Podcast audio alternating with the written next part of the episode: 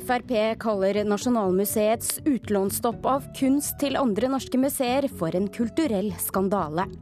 Det er viktig at journalister reiser til Nord-Kaukasus, selv om området er svært farlig, sier Europarådets generalsekretær Torbjørn Jagland. Elena Ferrante holder grepet om leserne i det tredje bindet av Napoli-kvartetten. Det mener vår anmelder, og nå kan den italienske forfatteren vinne den prestisjetunge Man Booker-prisen. Dette er Kulturnytt. Mitt navn er Stine Tråholt. Det er en skandale at Nasjonalmuseet stanser all utlånsvirksomhet i fire år framover. Det sier Ib Thomsen, som sitter i kulturkomiteen på Stortinget for Frp. Nasjonalmuseet forbereder flytting til nytt museum på Vestbanen i Oslo, og sier at de ikke kan låne ut verk til andre museer slik de pleier. Nå reagerer flere politikere. Jeg mener at dette er en kulturell skandale. Det syns jeg ikke er greit. Det syns jeg er en uforståelig beslutning. Ib Thomsen i Frp, Geir Jørgen Bekkevold i KrF og Marit Arnstad i Senterpartiet. De tre kulturpolitikerne er alle overrasket over hva som skjer på Nasjonalmuseet nå. Museet er i gang med å flytte til Vestbanen, og flyttearbeidet er så krevende, mener museet, at de ikke kan låne ut verk de neste fire årene. Det er fordi Nasjonalmuseet står overfor eh, det vi kan kalle norgeshistoriens eh, største flyttesjau. Vi skal eh, flytte og klargjøre 100 000 kunstverk. Sier direktør på Nasjonalmuseet Audun Eckhoff. Hvert år låner vanligvis museet ut verk til andre museer i Norge og utlandet. F.eks. når et museum i Tromsø skal ha sommerutstilling og trenger de viktigste bildene til kunstnere som Jakob Weidemann eller Nikolai Astrup. Det tviler jeg ikke på at dette er eh, krevende arbeid, eh, men det betyr jo ikke at eh, man stenger ned virksomheten. Hvem andre kan stenge ned en virksomhet i fire år? Ib Thomsen mener det følger et ansvar med når museet får 300 millioner offentlige kroner i året. Det er 60% av statsbudsjettets bevilgning til visuell kunst.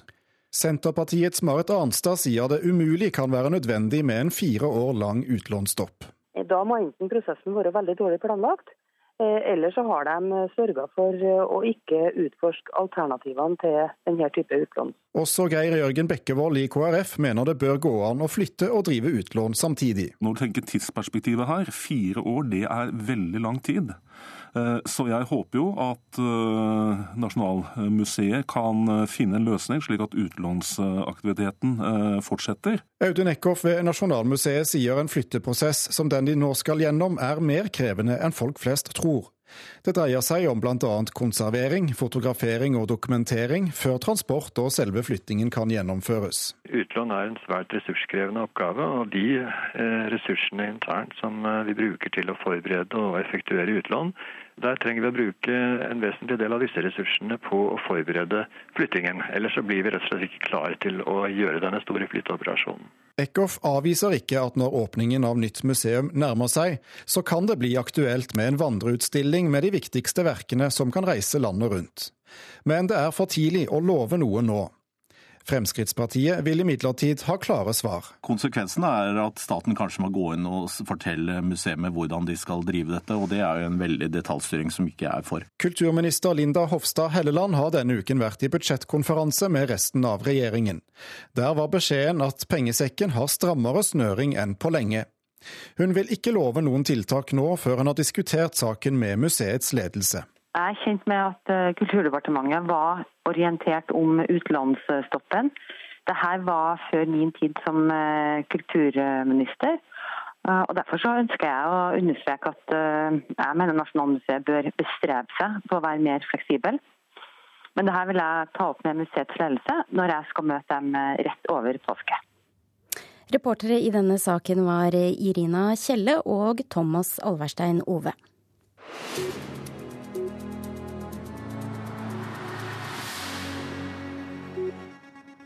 Kulturreporter Maria Pile Saasand, Klassekampen skriver i dag om nettstedet popkorntime.no, som ble stengt denne uka av Økokrim. Ja, det er jo ikke nedlastingssida Popkorntime, men en norsk versjon som omtaler og lenker til nedlastingssida Popkorntime. Eh, og da er det nå flere som mener at eh, Økokrim ikke hadde rett til når de tok henne ned på tirsdag. Flere juseksperter som Klassekampen har snakka med, er i tvil om eh, Økokrim hadde rett, eller juridisk da rett, til å ta henne ned. Og uh, om det er forbudt å lenke til ulovlig materiale, kan det være veldig mange som får problem. Advokat Jon Wessel Aas sier at det da kan bli problematisk for ytringsfriheten. Og Økokrim de svarer at de er uenige i den vurderingen, og mener de hadde lova i ryggen i alt de gjorde.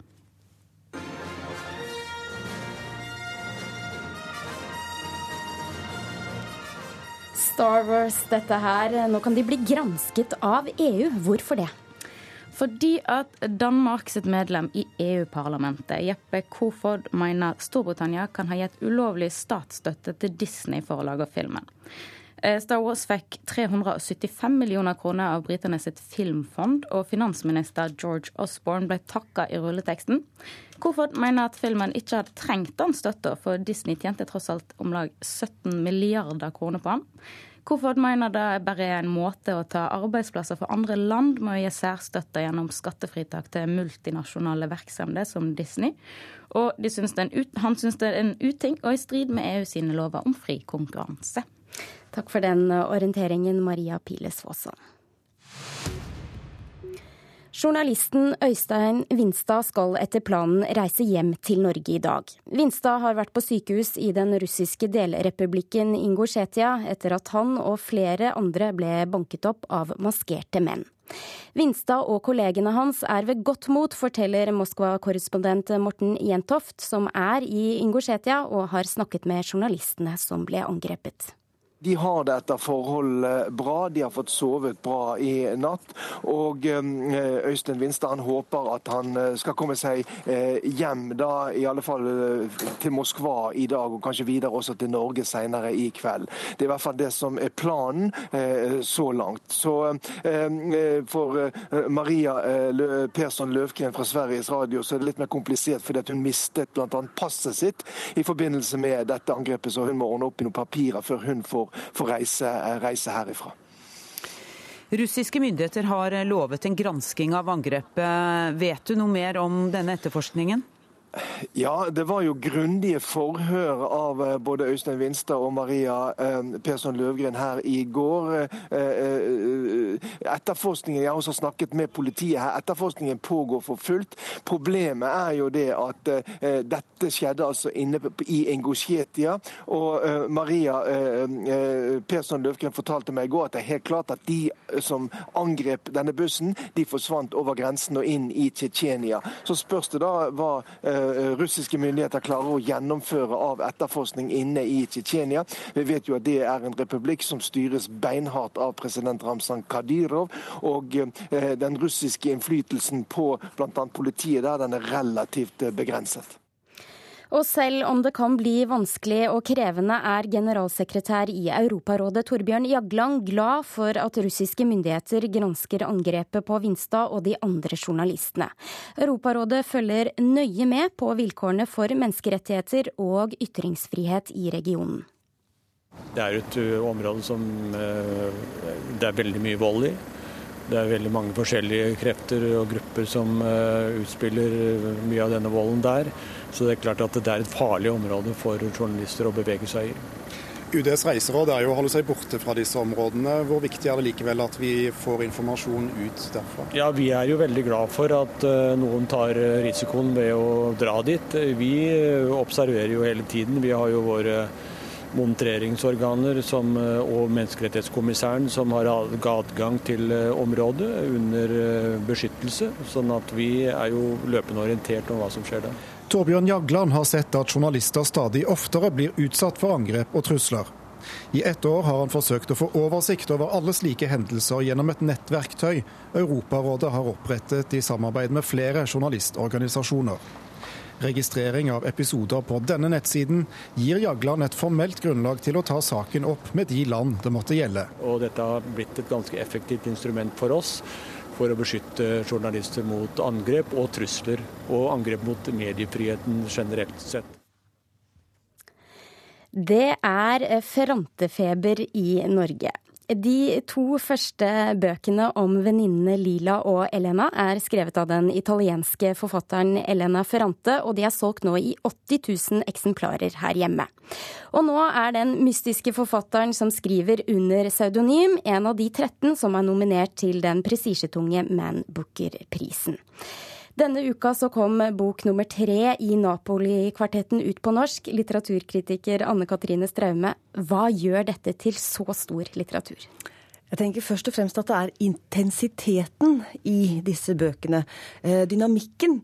Eh, det blir aldri lunkent. Det blir hett som i peisen eller kaldt som is. Dette vennskapet mellom de to venninnene Elena og eh, Lila som vi følger fra de er helt små og frem til de blir altså Den siste bindet så skal de nå alder på 70 år omtrent. Eh, det som Ferrante også gjør, som jeg syns er veldig godt, er at hun lar den store og den lille verden møtes. Én ting er Napoli, dette lokalmiljøet, fattigdommen, luktene, kaoset, volden som er der rundt disse jentene. Men en annen ting er hele samfunnsendringene som skjer fra Italia etter krigen og fremover mot vår egen tid. Eh, det er storpolitiske endringer som får konsekvenser i enkeltmenneskenes liv. Ja, og hvor er vi i dette tredje bindet? Da er de rundt 20, er det blitt det? Eller? Ja, nå er det blitt eh, voksne kvinner. Vi er på slutten av 60-tallet, begynnelsen av 70-tallet. Og det er jo en periode hvor du har studentopprør, du har klassekamp, du har kvinnefrigjøring. Og alt dette er elementer som preger livene til Elena og eh, Lila Elena. Hun er nå kommet til Firenze. Hun er jeg-fortelleren i denne fortellingen. Det er hun som eh, får utdannelse, reiser til Pisa, får universitetsutdannelse, og nå gifter hun seg med en akademiker i Firenze for barn.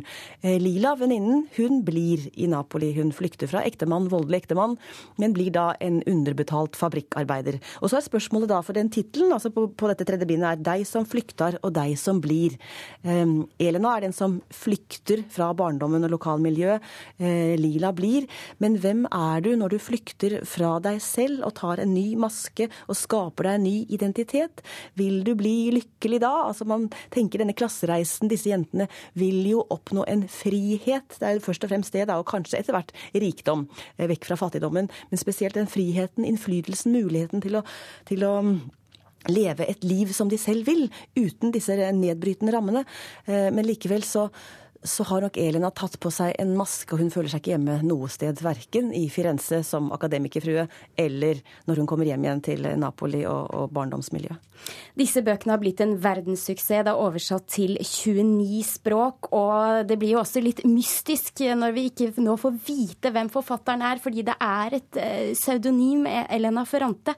Men klarer hun nå å holde på interessen til leserne i dette tredje bindet, eller er det litt oppskrytt? Jeg syns hun klarer å holde på interessen, og det er først og fremst for vi har hele tiden dynamikken i dette hat-kjærlighetsforholdet mellom venninnene. Eh, de er jo også konkurrenter eh, og måler seg hele tiden med hverandre. Så her er det også en sånn den ene er ikke hel uten den andre, selv om de da konkurrerer både på det intellektuelle og på det seksuelle plan. For det er jo en slags drømmeprins her i utkanten også, det jeg skal ikke legge skjul på det. Eh, jeg tenker at dette er, Noen har jo sagt at det er et feministisk prosjekt, og det er det. Men det er også et prosjekt som handler om all selvstendighetsarbeid, altså all identitetssøken, da, all kamp mot rammer og det som tynger ned, og søken mot en frihet. Og det er så mye overraskelser i, i disse bøkene fremdeles at det blir ikke stereotypier av det. Jeg syns det, det, er godt gjort. Tusen takk skal du ha, litteraturkritiker Anne Katrine Straume. Du hører nå på Kulturnytt, og dette er hovedsakene i denne nyhetsmorgenen. Rettssaken Anders Behring Breivik fører mot staten, kan gjøre at andre fanger som sitter isolert, får bedre soningsforhold. Flere politiledere er anmeldt for å ha jukset til seg overtidsbetaling, skriver VG. Japan holder en stille markering etter at det er fem år siden Fukushima-ulykken. Her i Kulturnytt så er det klart for flerdagspanel, og jeg ønsker velkommen til eh, forfatter og siviløkonom eh, Katrine Aspaas, politisk redaktør i Dagbladet Geir Ramnefjell, og manusforfatter Aksel Helstenius eh, fra et studio på Lillehammer. Velkommen alle tre. Takk skal du ha. Takk. Første tema er norsk ordbok. Det har nemlig tatt 87 år, engasjert hundrevis av frivillige og en lang rekke fagfolk, og nå er endelig tolvte og siste bind av Norsk ordbok ferdig. Sluttproduktet inneholder 300 000 norske ord og uttrykk. Eh, spørsmålet mitt er har vi egentlig behov for et sånt enormt fysisk opplags, oppslagsverk i liksom da fysisk eh, format? Geir? Nei. Ja. Katrine. Og fra Lillehammer, Aksel. Ja. Hvorfor det, Katrine? Du, det er uh, Ord er gøy. Altså, ord er viktig. Ord er kultur. Ord er, uh, det er det er lim, det er historie. Og det er jo en godtebutikk, en sånn bok. Og så er det verdien av å sitte og Altså, vi, vi trenger det jo ikke. Det er jo ikke sånn at Men det er, det er følelsen av å bla i noe, og verdien av å finne ting jeg ikke visste jeg var interessert i.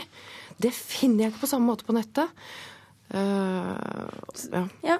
Geir, du kunne ikke tenke deg ned og sette deg ned med ordboka og kose deg med en kopp te? Jo, altså eh, Det er jo et betinga nei, for det er klart jeg skjønner viss verdi av det. Men det som jo også er problemet i dette prosjektet, er at den, sånn som jeg forstår det, så er ikke den digitale versjonen den er ikke fullstendig. Eh, de har begynt på bokstaven I. og, og, tatt den ut, og så ja, mangler det en og, mangler det, de og det er jo litt synd, da. Og litt, og litt underlig. Eh, man kan jo si at for, dette er jo et enormt prosjekt og vanvittig kostnadskrevende. Og det er jo et utrolig spennende, prosjekt, spennende arbeid. Eh, men altså, nettet er jo den eh, soleklart viktigste kilden til kunnskap for alle mennesker i dag. Eh, og Derfor burde man legge mer ressurser i å gjøre det søkbart og tilgjengelig på nettet, sånn at det kan brukes eh, av alle. Hva tenker du, Aksel? Nei, altså Jeg elsker jo opplagsbøker. Jeg er oppfostret med dem. Under hver eneste middag i min barndom så marsjerte far inn i stuen, kom tilbake med et leksikon for å kontrollere tall eller en konge, eller bare liksom leste opp noen facts for barna. Og jeg har jo ikke fått den historiske interessen hans, men jeg elsker jo da ord. Og har fylt eh, hyllene mine med etymologisk ordbok, fremmedordbok, synonymordbok, rimordbok, riksmålsordbok. Så det er helt klart at norsk ordbok den skal inn. Både den digitale versjonen og den analoge Altså strømmen kan jo gå, så da er det greit å ha noe å bla i. Men syns dere at 87 år er litt lang tid? Det betyr jo faktisk at f.eks. et ord som bil, det står ikke i eh, ordboka. For den eh, første bind det kom ut i 1966, og da brukte man automobil. Har det tatt litt lang tid, det her? Det er vel vanskelig å si nei på det. Det, det er klart det har tatt veldig lang tid. Uh, og det er dette her med jeg syns det er litt rørende også at uh, en, sånn, en, sånn, ordbok som etymologisk ordbok, som ble en bestselger for Kagge for noen år siden, at vi fortsatt liksom liker den der taktile, det der å sitte og bla og sitte og finne ting vi ikke visste vi var interessert i. Det er, det er liksom, jeg får litt sånn påskestemning av det. Det skal jo sies da at den skal revideres. Universitetet i Bergen får den oppgaven. Syns dere det er rett at de fortsetter med dette? Ja, det er jo absolutt det viktigste. og Dessuten så burde de jo ta for seg eh, alfabetet før i og tilgjengeliggjøre det digitalt. Så jeg foreslår at det er det første de setter i gang med. Mm. Og det blir jo gjort, selvfølgelig. Og da blir den jo også revidert samtidig. Så jeg mener jo det er en sånn vinn-vinn-situasjon. At den både kommer som bok og digitalt. Og det er klart at alle videre revideringer blir jo digitale. Ja. Ok, vi, vi, sier det sånn at Universitetet i Bergen må fortsette å jobbe litt med en revidering og digitalisering, og hopper til eh, Museums-Norges frykt for kvalitetsfall. Denne uka så har Kulturnytt eh, fortalt at eh, Nasjonalmuseet stenger for utlån av kunst i fire år. Og årsaken er at de vil bruke all sin tid på å forberede flytting til nytt museum på Vestbanen om fire år. I dag kalte Fremskrittspartiet det for en skandale. Har de rett, Aksel? Uh, nei. Katrine? Ja. Ja. Hvorfor det, Aksel? Nei, altså Jeg skjønner jo egentlig ikke helt hvorfor dette er så vanskelig å låne meg ut. Jeg har jo nå hørt og lest og sånt noe, så Men jeg mener det må mer ting til for å kalle noe en kulturell skandale. Hvis Nasjonalmuseet hadde ødelagt verkene sine, det hadde vært en skandale. At en del av det de har i samlingene ikke blir vist en stund, det er ikke en skandale i mitt vokabular. Og jeg tenker at dette kan gjøre andre mindre kjente verker som la, lagret andre steder, at det blir utlånt, at det blir eh, mer synlig. Det tror jeg da, og håper jeg skjer. Eh, jeg tenker som så at det er jo nettopp i en periode hvor Nasjonalmuseet ikke selv er fullt oppe og går, at de har muligheten til å virkelig vise fram verkene sine andre steder. Eh, så det å skyve det litt sånn foran seg at de skal flytte Jeg tenker Nasjonalmuseet får 60% av midlene for bildende kunstmuseer her i landet. Og, mm, og, de får et nytt museum. Så, og jeg tenker som så at da er det veldig Da er det, det er en god anledning til å være skikkelig raus altså, på, på, for Nasjonalmuseet. Ja, altså Nasjonalmuseet er jo uh, den uh, helt klart viktigste kunstinstitusjonen uh, i, i, Norge. Og det, dette, dette, vedtaket her, eller denne utlånsstoppen, det reduserer jo andre norske museers muligheter til å lage interessante utstillinger. Og det er jo mange som har vært ute de siste dagene og uttrykt veldig stor frustrasjon over dette. Og så skjønner jeg at man kan liksom lure på ja, skal man, hva skal man kalle det. Skal man kalle det en kulturell skandale, eller er det bare nok en liksom, litt dårlig prioritering? Uh, og da tenker jeg at det, det, er jo det siste der, at det er, er en prioriteringssak. og midt i en veldig komplisert og eh, dyr og omfattende flytteprosess, så så har man rett og slett valgt bort eh, dette å skulle tilgjengeliggjøre kunstverkene. Og da tenker jeg Når Audun Eckhoff eh, prøver å forsvare dette, så handler det vel også om at han ikke har så veldig lyst til å sutre om at han ikke har ressurser til å gjennomføre dette, for han har jo nettopp fått ganske mange milliarder til å bygge et nytt bygg. Og det er det han er mest opptatt av. Det er jo en viktig oppgave og en, eh, ja, en sentral oppgave for Nasjonalmuseet, Aksel, å, å drive utlån til andre norske museer? Ja da, jeg ser den. Og, men altså, det er et eller annet du har satt en direktør der til å gjennomføre et svært prosjekt. Nå har han forklart seg og forklart seg og forklart seg, og vi kan jo godt trekke det i tvil. Det kan jeg godt være med på. Men jeg, jeg tenker som så også at med en gang det er stopp et eller annet sted, så, burde, så går proppen opp eh, et annet sted, og da kan det komme andre ting. og, og jeg tror jo på større kreativitet når det gjelder eh, å vise verk, sånn som Munch-museet gjør nå, som setter sammen ting. Altså, jeg mener, å stoppe og si at nei, nå er det helt skandale fordi man ikke får ut noen verk derfra, det er ikke jeg med på. Jeg mener, tenker at Dette må bare sette i gang og øke kreativiteten for museumsansatte rundt omkring. Ja, Hvorfor ler du av det, Katrine? nei, jeg, altså jeg ler jo av historiefortellingen til uh, Det er morsomt å høre på. Men jeg tenker også, jeg ler også litt sånn fordi jeg ble så glad da jeg uh, liksom hørte at Frp liksom var uh, veldig engasjert i en kultursak. Så det var egentlig det som gjorde at jeg, uh, jeg var enig med dem. Men konservering og fotografering og dokumentering av all kunsten som nå skal flyttes, det tar jo også tid. Eh, sånn sett så har vel Eckhoff og Nasjonalmuseet et poeng? Ja, det er klart han har et poeng. Og det bunner nok i ressursmangel, rett og slett. At hvis, han skulle fortsatt med, eller hvis museet skulle fortsatt med en utenlandspraksis som de har til vanlig, så måtte de hatt mer penger og ressurser og folk til rådighet, rett og slett. Vi går videre og snakker litt mer om kunst. Eh, vi skal til Hurtigruten, som får kritikk for å ikke ha kontaktet kunstnere om hva som skjer med kunsten deres etter en oppussing av flere skip. Og det pågår nå en krangel mellom Hurtigruten og kunstner Carl Erik Harr, som har utsmykket flere av hurtigruteskipene. Det nye interiøret har eh, nemlig ikke funnet plass til eh, Harrs viktigste kunstverk. Kan Hurtigruten gjøre som de vil med Harrs kunst, Geir? Nei. Aksel? Ja. Ja, dessverre. Hvorfor ikke, Geir? Nei, eh, jeg eh, mener jo at når, når, eh, når eh, de har fått Harr til å utsmykke båten med 27 ulike verk, så er det jo på en måte man kan argumentere for at det er en integrert del av av utsmykningen av, eh, av skipet. Eh, og da er ikke det en opplagt sak, men det er helt klart en diskusjon om det gir dem noen forpliktelser i forhold til å ivareta kunstnerens medbestemmelse eller rett til å bli hørt i, i, en prosess hvor de skal bytte dem ut eller flytte på dem, eller hva de nå skal gjøre.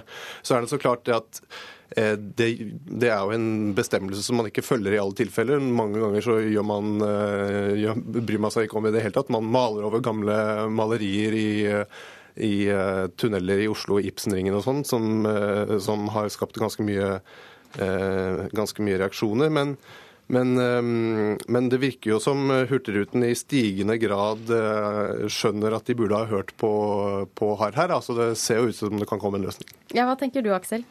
Altså, Jeg sa ja, men jeg er jo da enig med dem som mener at den nye designen på disse skipene er ja, gørrkjedelig og intetsigende at liksom den eneste forskjellen på å sitte på en kafé på Grünerløkka er at det gynger litt mer på Hurtigruta. Jeg er jo da tilhører de som mener at Hurtigruta egentlig burde gå tilbake til de små svarte, hvite skipene som de hadde før. Jeg syns jo det er blitt eh, ja, det er helt danskebåten, eh, med eller uten harr. Jeg husker første jeg reiste med, Nordstjernen. altså Der var det jo veldig lite kunst. Og hvis det var noe, så, så husker jeg det ikke. Harr eller ikke. Og det som gjorde inntrykk på meg, det var jo naturen. Det var havet, det var skipet, det var reisen. Og så den veldig strenge serveringsdamen som ba meg spise opp maten min. For ellers så fikk jeg ikke noe dessert.